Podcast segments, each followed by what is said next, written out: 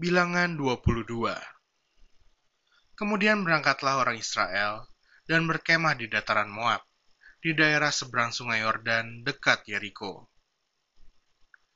Balak memanggil Bileam. Balak bin Zipor melihat segala yang dilakukan Israel kepada orang Amori. Maka sangat gentarlah orang Moab terhadap bangsa itu, karena jumlahnya banyak. Lalu muak dan takutlah orang Moab karena orang Israel. Lalu berkatalah orang Moab kepada para tua-tua Midian, Tentu saja laskar besar itu akan membabat habis segala sesuatu yang di sekeliling kita, seperti lembu membabat habis tumbuh-tumbuhan hijau di padang. Adapun pada waktu itu Balak bin Zipor menjadi raja Moab. Raja ini mengirim utusan kepada Bileam bin Beor, ke Petor, yang di tepi sungai Efrat, ke negeri teman-teman sebangsanya, untuk memanggil dia dengan pesan. Ketahuilah, ada suatu bangsa keluar dari Mesir. Sungguh, sampai tertutup permukaan bumi olehnya, dan mereka sedang berkemah di depanku. Karena itu, datanglah dan kutuk bangsa itu bagiku, sebab mereka lebih kuat daripadaku. Mungkin aku sanggup mengalahkannya dan menghalaunya dari negeri ini, sebab aku tahu, siapa yang kau berkati, dia beroleh berkat, dan siapa yang kau kutuk, dia kena kutuk.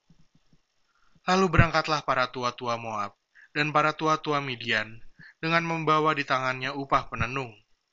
Setelah mereka sampai kepada Bileam, disampaikanlah kepadanya pesan Balak. Lalu berkatalah Bileam kepada mereka, Bermalamlah di sini pada malam ini, maka aku akan memberi jawab kepadamu sesuai dengan apa yang akan difirmankan Tuhan kepadaku. Maka tinggallah pemuka-pemuka Moab itu pada Bileam.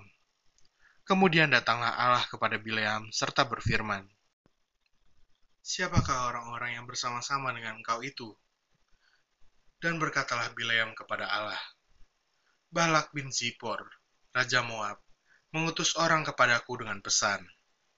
Ketahuilah, ada bangsa yang keluar dari Mesir, dan permukaan bumi tertutup olehnya. Karena itu, datanglah, serapalah mereka bagiku. Mungkin aku akan sanggup berperang melawan mereka dan menghalau mereka. Lalu berfirmanlah Allah kepada Bileam, Janganlah engkau pergi bersama-sama dengan mereka. Janganlah engkau mengutuk bangsa itu, sebab mereka telah diberkati. Bangunlah Bileam pada waktu pagi, lalu berkata kepada pemuka-pemuka Balak, Pulanglah ke negerimu, sebab Tuhan tidak mengizinkan aku pergi bersama-sama dengan kamu. Lalu berangkatlah pemuka-pemuka Moab itu, dan setelah mereka sampai kepada Balak, berkatalah mereka, Bileam menolak datang bersama-sama dengan kami. Tetapi Balak mengutus pula pemuka-pemuka lebih banyak dan lebih terhormat dari yang pertama. Setelah mereka sampai kepada Bileam, berkatalah mereka kepadanya, Beginilah kata Balak bin Zipor, Janganlah biarkan dirimu terhalang-halang untuk datang kepadaku, sebab aku akan memberi upahmu sangat banyak, dan apa pun yang kau minta daripadaku, aku akan mengabulkannya datanglah, dan serapahlah bangsa itu bagiku. Tetapi Bileam menjawab kepada pegawai-pegawai Balak, Sekalipun Balak memberikan kepadaku emas dan perak seistana penuh, aku tidak akan sanggup berbuat sesuatu yang kecil atau yang besar, yang melanggar titah Tuhan Allahku. Oleh sebab itu, baiklah kamu pun tinggal di sini pada malam ini, supaya aku tahu apakah pula yang akan difirmankan Tuhan kepadaku? Datanglah Allah kepada Bileam pada waktu malam, serta berfirman kepadanya, Jikalau orang-orang itu memang sudah datang untuk memanggil engkau, bangunlah, pergilah bersama-sama dengan mereka. Tetapi hanya apa yang akan kufirmankan kepadamu, harus kau lakukan. Keledai Bileam dan Malaikat Tuhan Lalu bangunlah Bileam pada waktu pagi.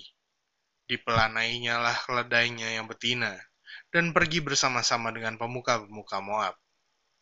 Tetapi bangkitlah murka Allah ketika ia pergi. Dan berdirilah malaikat Tuhan di jalan sebagai lawannya.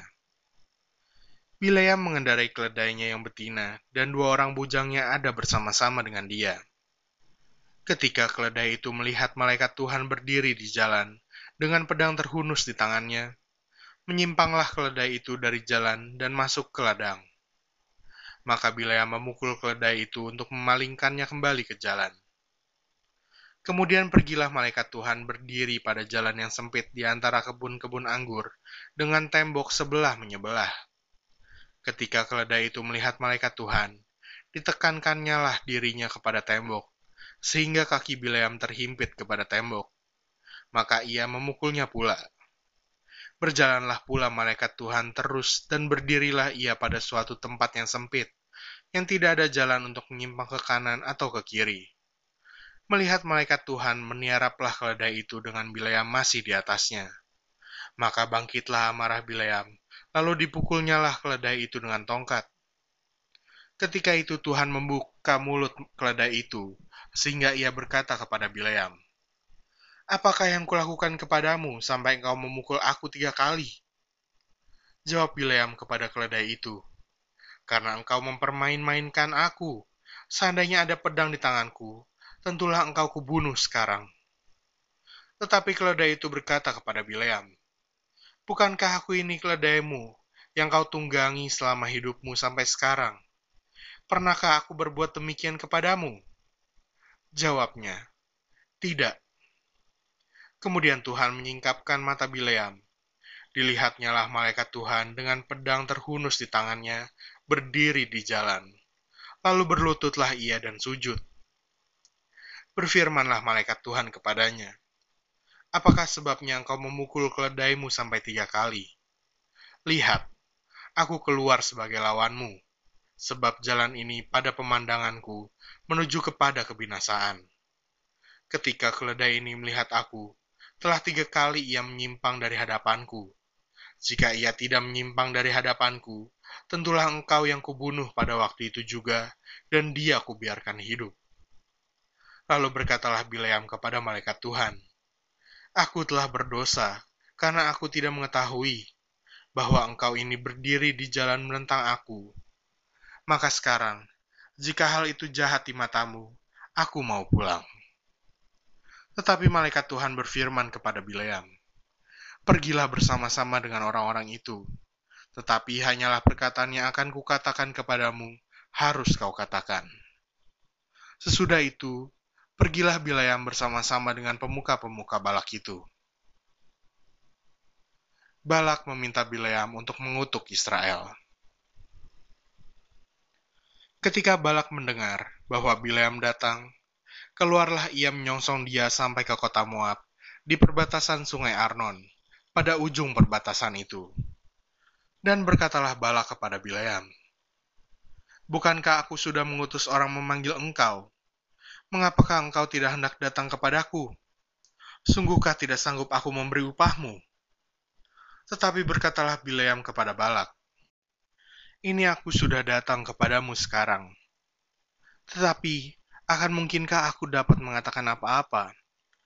Perkataan yang akan ditaruh Allah ke dalam mulutku, itulah yang akan kukatakan.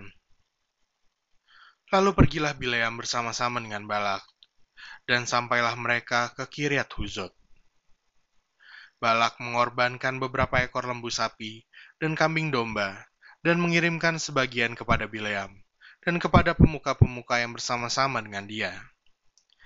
Keesokan harinya, Balak mengambil Bileam, dan membawa dia mendaki bukit Baal. Dari situ, dilihatnyalah bagian yang paling ujung dari bangsa Israel.